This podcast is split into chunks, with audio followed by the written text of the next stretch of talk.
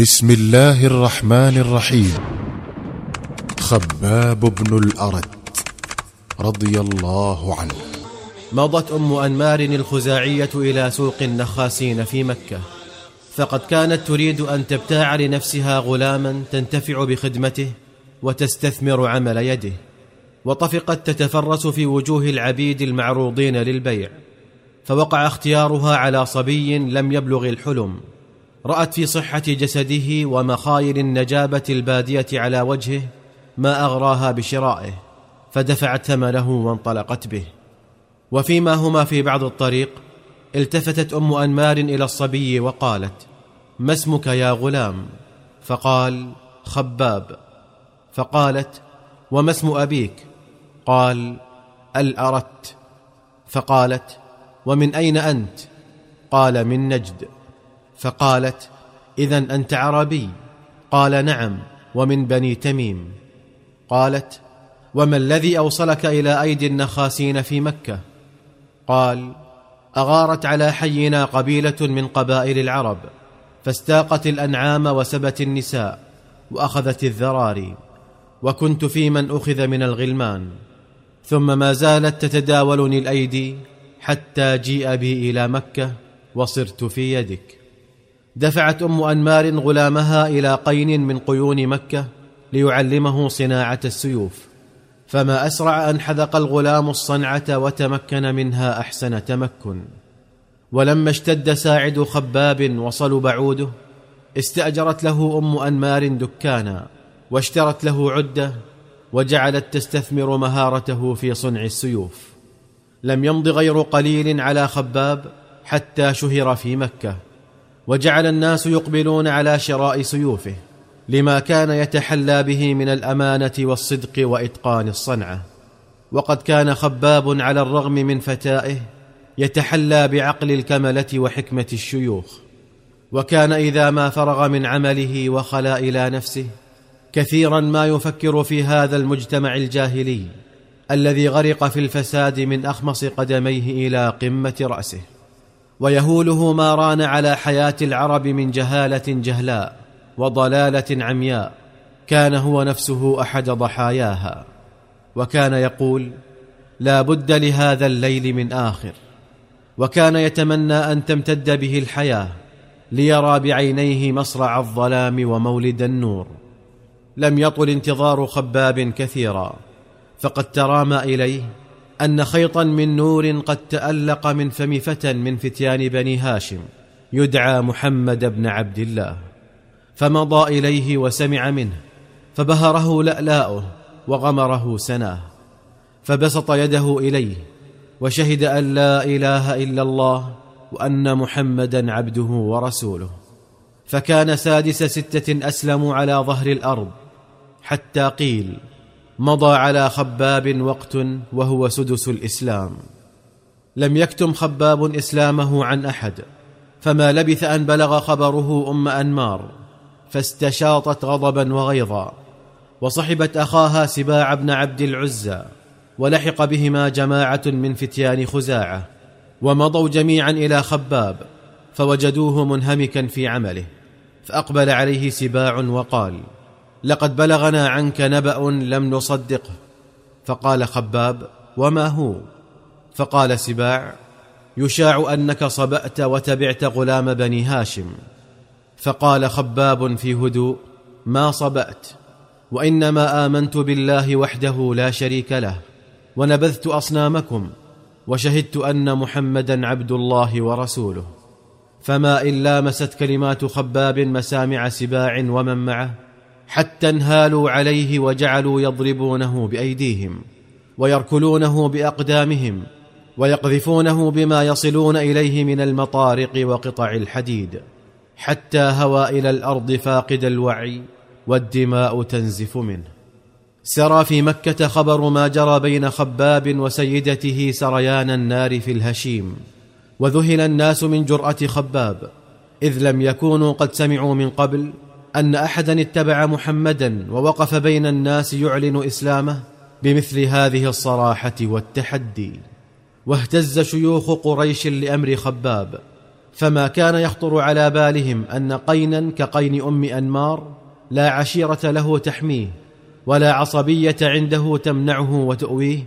تصل به الجرأة إلى أن يخرج على سلطانها ويجهر بسب آلهتها. ويسفه دين آبائها وأجدادها وأيقنت أن هذا يوم له ما بعده.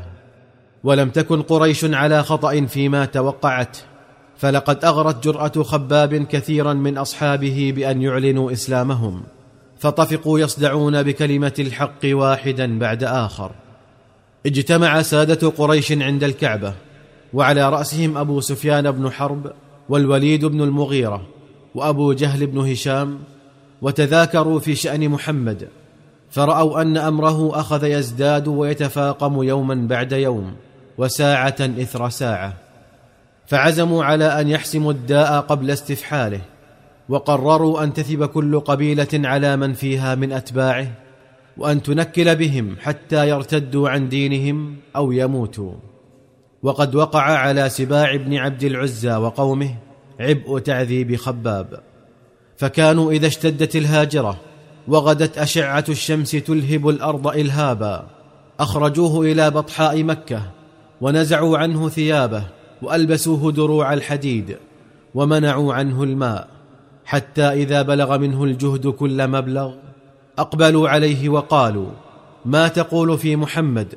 فيقول عبد الله ورسوله جاءنا بدين الهدى والحق.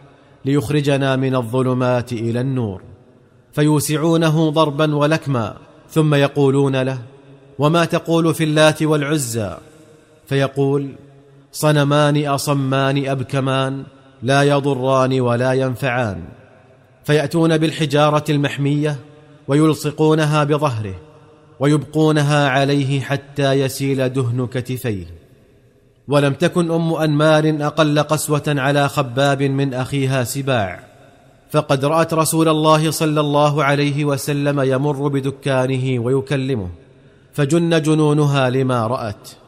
واخذت تجيء إلى خباب يوما بعد يوم فتأخذ حديدة محمية من كيره وتضعها على رأسه حتى يدخن رأسه ويغمى عليه وهو يدعو عليها وعلى أخيها سباع.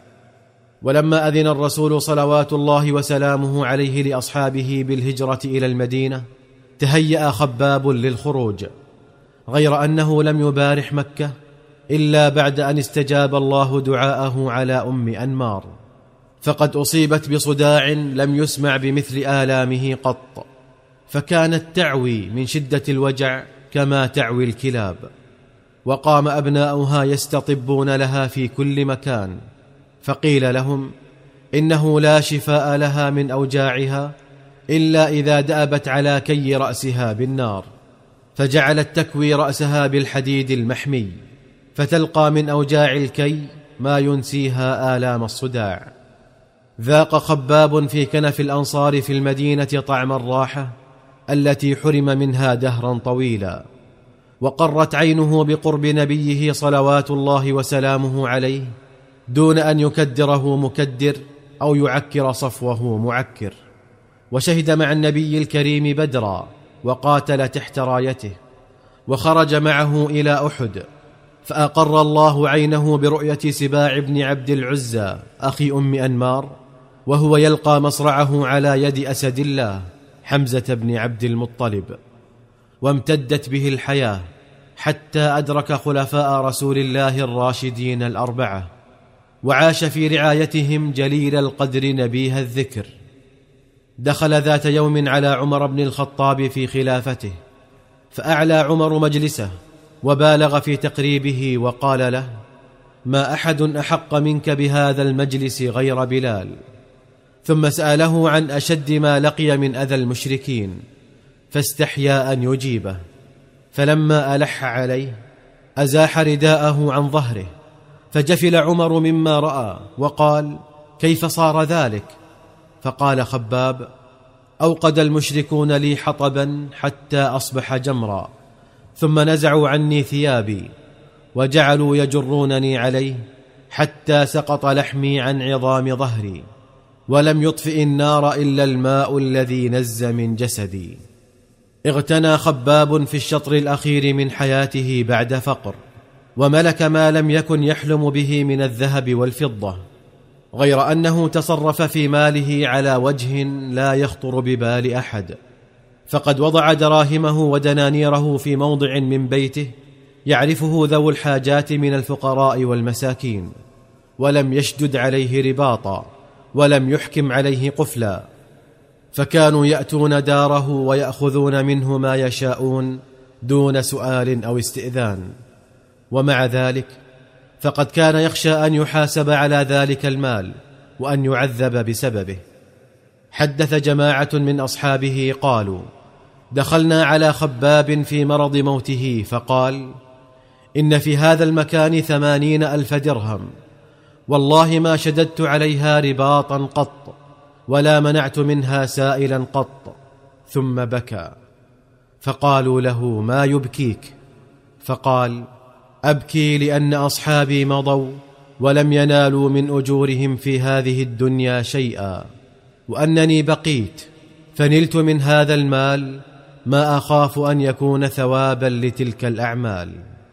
ولما لحق خباب بجوار ربه وقف أمير المؤمنين علي بن أبي طالب رضي الله عنه على قبره وقال رحم الله خبابا فلقد أسلم راغبا وهاجر طائعا وعاش مجاهدا ولن يضيع الله أجر من أحسن عملا. رحم الله خبابا فقد أسلم راغبا وهاجر طائعا وعاش مجاهدا. علي بن أبي طالب.